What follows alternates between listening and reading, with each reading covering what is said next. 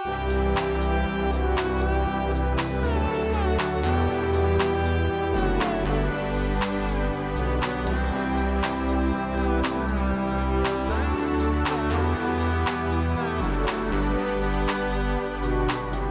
Sverige är arbetslösheten bland utrikesfödda väsentligt högre än bland inrikesfödda. Utrikesfödda kvinnor är den grupp där lägst andel personer är sysselsatta.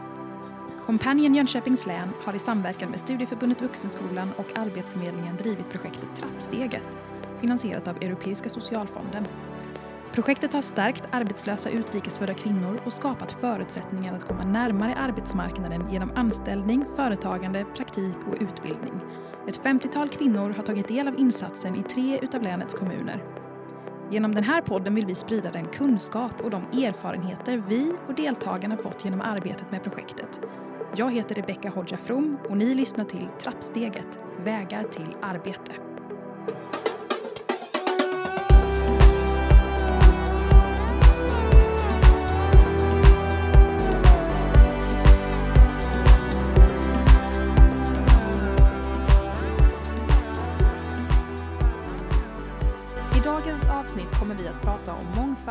Inkludering på arbetsmarknaden utifrån arbetsgivarperspektivet.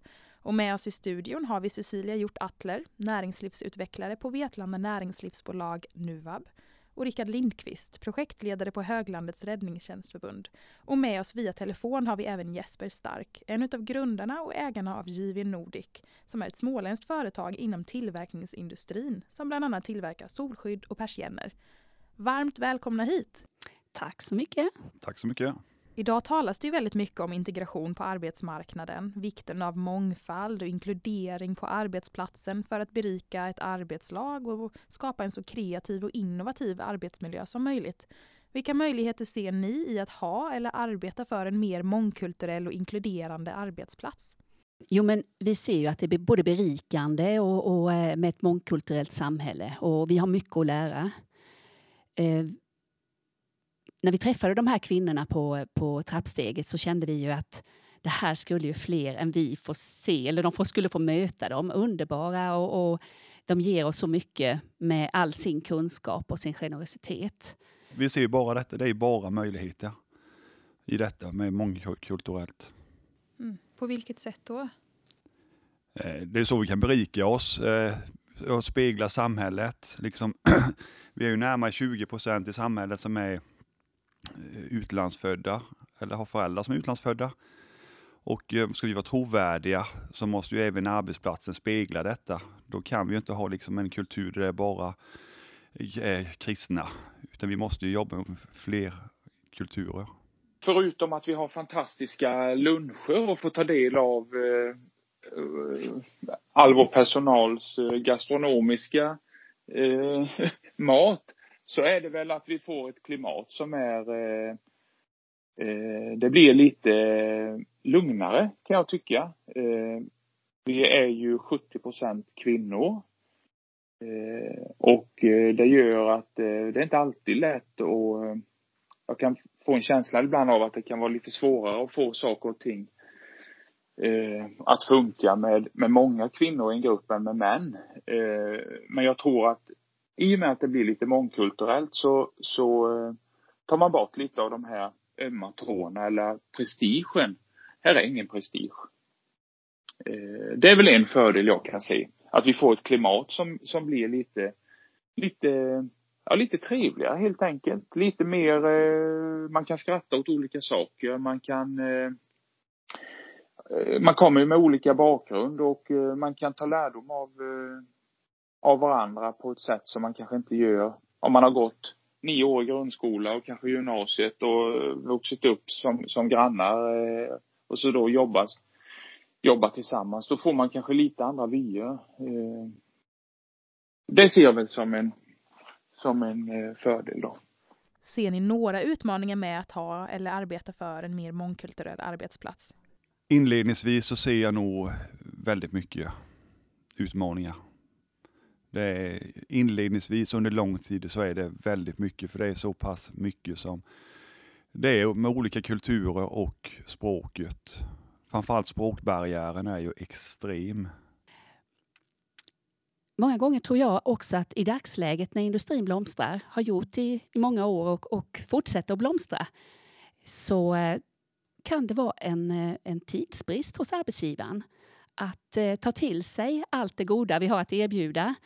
Och, eh, jag tror att eh, hade man bara mer, mer tid så skulle man nog absolut släppa in mer, eh, mer både kvinnor och eh, eh, inkludera mer eh, utrikesfödda eh, i, i, sin, eh, i sin verksamhet.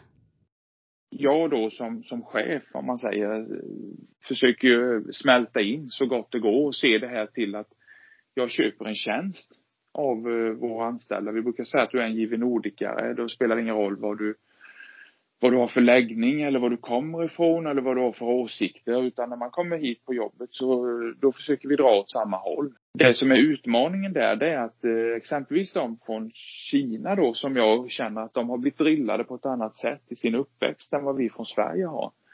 Eh, de kan ha svårt att acceptera eh, att jag försöker hamna på samma nivå eh, som chef. Utan chefen är chefen, han ser man upp till. Men eh, vi försöker få eh, att vara ett team där vi exempelvis om det är en, en förändring vi ska göra så vill vi ju involvera vår personal i det. Och då kan det vara svårt att få dem att tänka lite utanför boxen. För de är inte vana vid det, för de är vana vid att göra som man blir tillsagd. Eh, och det, det, det, funkar, det blir bättre och bättre, men det är, det är den, kanske den stora utmaningen, att försöka få dem att eh, eh, inse att vi är vi är lika. Bara för att jag är chef så, så är det, det har väl att göra med vilken, hur man är som chef, om man vill bestämma. Och det kanske man måste ibland, men eh, jag tror inte på den melodin och vi här på IV Nordic, vi har, det är inte våra värdegrunder att jobba efter de, de kriterierna. Men det är en utmaning. I projektet Trappsteget har vi på Companion arbetat med att stärka utrikesfödda kvinnor som står utanför arbetsmarknaden och att komma närmare sysselsättning och företagande. Och många kvinnor som har varit deltagare i vårt projekt har vittnat om de höga trösklar som de upplever finns för att komma ut på arbetsmarknaden. Och med kanske en låg utbildningsbakgrund och en låg eller ingen arbetslivserfarenhet utanför hemmet så tycks det väldigt svårt trots att man kanske är väldigt motiverad och man är aktivt aktivt letar efter jobb och man vill verkligen arbeta. Vems ansvar är det egentligen att sänka de här trösklarna för den här målgruppen? Vad säger ni? Det måste vara, det måste vara allas. Och så tänker jag mig, att eh, det är allas ansvar i detta. Däremot måste vi nog diskutera det, för att alla ska förstå att det är allas ansvar. För folk tittar nog bara egentligen på cheferna och politikerna, men alla har ett ansvar i det här. Ja, som arbetsgivare så, så bör man göra alla delaktiga i det och att alla bör ta sitt ansvar eh, för att möta och ta emot och välkomna både eh, utlandsfödda och kvinnor och män. Då. Så att eh, jag tror att det finns inte någon som inte bör ta sitt ansvar. Jag ser inte varför det skulle vara svårare egentligen, utan jag tror att det ligger lika mycket hos båda parter i så fall. Eh, jag förstår inte de som, som ser det som en nackdel att om du har en annan hudfärg eller kommer från ett annat land, varför, varför du skulle vara sämre. Det är bara att titta på eh, OS och världsmästerskapen i både alltså, friidrott eller vilka sporter som helst. Det är inte bara svenskar som vinner. Långt ifrån. Vi vinner inte medaljligan. Jag tror det handlar mycket om vad du har för inställning själv, vad du har för värdegrunder mot folk. Och det är klart, det kanske du är du en chef då som sitter och ska anställa folk då och du har bestämt dig för att de är värdelösa. Den målgruppen eller den, eh, de som kommer därifrån, de är helt värdelösa. Eh, det är klart att de är det då om de aldrig får chansen. Så är det ju med allt. Nej, men jag tror att, att vi, som, vi som vill eh, och inte ser det som något hinder, att vi jobbar mer med det och att det blir naturligt och visar andra att det här är att eh, vi tänker alltid att vi har mixen av kvinnor och män och yngre och äldre och olika kulturer. Vi tror att det berikar oss och framförallt så möter vi framtiden på bästa sätt. Innan jobbade en kort tid jag, men de slutade mitt jobb för att jag kan inte prata bra svenska. Men nu, jag känner mig jättebra, pratade min, med min handledare och hon hittade till mig ett jobb. Jag blir jätteglad. Jag känner mig jättestark. Rickard, du ansvarar ju för arbetet med mångfald och jämställdhet inom Räddningstjänstförbundet i hela länet. Och skulle du kunna berätta lite grann om hur ni har arbetat med att få in nyanlända i er verksamhet? Eh, lite kort, det är svårt att göra det här kort för det har omvält hela mitt liv egentligen, mitt yrkesverksamma liv. Jag pratar om egentligen tiden före och efter projektet nu för det, det fick mina värderingar faktiskt att ändra sig när jag fick eh, glädjen att jobba med de här killarna ifrån det var öppet för både män och kvinnor, men det blev bara män som sökte och de var arabisktalande från Syrien. Så det var åtta stycken vi skulle till, göra till brandmän på fem månader. Eh, och de plockade dem på låg nivå ifrån eh, lärcenter och folk sa att det kommer aldrig gå. Det var motstånd att ge mig in i detta så kan jag sluta inom svensk räddningstjänst för jag kommer vara helrökt. Eh, det var bra för det triggade mig. Så tillsammans med Arbetsförmedlingen och Nässjö lärcenter så drog vi stå det här projektet där vi till slut lyckades få på fyra och en halv månader fem killar från Syrien godkända brandmän. Gruppen utrikesfödda som vi talar om här idag är ju inte på något sätt en homogen grupp men ofta så kanske det finns vissa kulturella skillnader eller svårigheter med kommunikation och kanske liten eller ingen förståelse för svensk arbetskultur. Hur kan man hantera detta som arbetsgivare eller arbetskollega? Först och främst tycker jag att vi, vi måste gå till botten med det här och ta, lära oss. Vi måste lära oss dem. Det handlar inte bara för att de är nyanlända och det här de säger att de har kommit till vårt land. Nej, det, det är inte vårt land, det är Sverige. Och de har kommit hit och vi säger att de ska ändra på det här och det här och det här. Ja, men då ska vi ta, måste vi ta reda på vad är det de ska ändra på, på och vad är det som ligger till grund för detta? Hur hade de det innan? Och det är som sagt var inte så svårt, utan för en dialog med dem, prata med dem och när någonting inte blir bra, säga till. Det här, det här är ju så här, det här är ju livet, så är det ju. Och precis som du nämnde här med att, att eh, Sverige är ju inte vår, vårt land, utan det är ju allas land. Mm. Och eh, här ska vi ju välkomna alla. Mm. Och ju mer kärlek vi får, så desto bättre tror jag Sverige blir. Mm. Och vi ger varandra. Så att, eh, jag brukar alltid säga det här, vad vi än ska göra, från det lilla till det stora, så säger jag, gör vi det här med kärlek. Och politikerna tittar på mig lite ibland och tycker att eh, när vi ska sätta nytt ljus i centrum, gör vi det här med kärlek? Ja, och det här är väl verkligen något, något vi kan säga att gör vi det här, tar vi emot våra, våra nyanlända med kärlek? Och vi ser ju dem som ett folkslag, vi ser dem som en grupp. De där, och det retar mig, de där, nej det är inte de där, det är individer som vi svenskar. Det är ingen skillnad. Hur kan vi bättre ta tillvara på den kompetens och outnyttjade arbetskraft som kanske kommer till oss från andra länder? Det är ju lätt att sitta här som svensk och säga att ja, de, de kommer och det, de vill inte jobba och så vidare. Jag kan säga att jag har aldrig stött på det. Eh, Jag träffade ett gäng eh, syrier på, eh, det var på en lokal eh, pub här i Vetlanda för fyra, fem år sedan. Det var fyra, fem stycken som hade bott i Sverige i två veckor. När vi hade suttit och pratat lite grann så var det en som eh, frågade vad jag höll på med och då berättade jag att jag hade ett företag och vi fixade lite solskydd och så här, ja, lite allmänt. Jag hade inte behov, men han tjatade och ringde till mig, den här killen, och ville ha jobb och frågade och det var fler också där som var intresserade. Men just det tror jag är viktigt, att de som kommer till Sverige, att de får känna att, att de har inte kommit hit bara för att vara här och utan de vill ju göra, det är en självbevarelsedrift. Precis som det är för oss svenskar. Att man kanske somnar lite skönare eller mår lite bättre om man känner att man har gjort något som, som eh, man kan vara stolt för. Exempelvis ett, ett, ett jobb då. Jag tror att arbetsgivaren kan bli mycket bättre på det också. Kanske typ köra upp ett hus. Så som vi har gjort här emellanåt.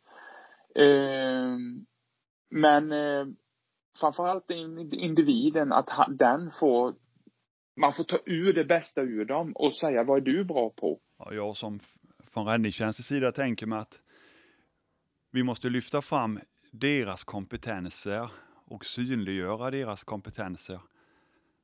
Som, i det här, som de vi har, som jag arbetar med inom förbundet då, så är de ju arabisktalande muslimer. Och vara arabisktalande muslim, det är ju en kompetens. Exempelvis har jag varit i ett område i Vetlanda som har väldigt många, stor procent nyanlända. Och vi har varit och knackat dörr där och eh, pratat brandinformation och med barnen och sånt där. Eh, och vi har varit då helt svenska. I det här projektet så fick jag en kväll ta med mig de här herrarna från Syrien och vi knackade dörr i det här området. Och på två timmar hade vi nått fram till så gott som samtliga, för de är mest arabisktalande, och nått ut med en sån information. Och det är så häftigt att få se detta. Och det slutade med att vi var hade brandinformationen nere i deras moské, där vi inte liksom får komma dit. Eh, och då lyfter vi fram deras kompetenser. Och dels höjer vi dem, och vi ser, vi måste förstå, jag förstår att vi, ska jag göra mitt uppdrag och kunna jobba mot lagen om skydd mot olyckor så behöver jag deras språkliga och kulturella kompetens. Det är om vi tar exempelvis eh, ja, säg sjukvården eller äldrevården. Det kommer ju om 20 år så kommer det ju vara de som är 60 nu kommer ju kanske bo på vårdhem och då kanske det är 20 procent som inte är svenskfödda. Eh, det säger ju sig självt. Det måste ju, alla yrken, eh, det måste ju behövas personal där då och de som har, det underlättar ju jättemycket att det finns folk som pratar deras språk. Nej men återigen handlar det om kunskap och tillåtande och tillit. Och eh, det handlar ju inte bara om utrikesfödda, för det här behöver ju alla. Vet vi bara varför och varför vi gör det och, och eh, att vi mer välkomnar dem och att vi faktiskt eh, lär oss att förstå varandra så eh, kan vi säkert motverka de fördomar som kanske finns från båda håll. Eh, men det är viktigt liksom att aldrig glömma den här frågan utan att vi alltid lyfter den och att vi i, i vår lilla organisation är väldigt eniga, eniga om hur, hur vi jobbar. Eh, vi vill också alltid vara med. Vi var ju som sagt glada anhängare till trappsteget och följde er under hela resan. Och, det är väl så vi kan stötta och hjälp, hjälpas åt, så att säga. Ett stort tack till dig Cecilia Hjort Attler från Nuvab, Rickard Lindqvist från Räddningstjänsten och Jesper Stark från JV Nordic för er medverkan här idag. Och tack till alla er som har lyssnat till det här avsnittet av Trappsteget, Vägar till arbete. En podcast från Companion Jönköpings län.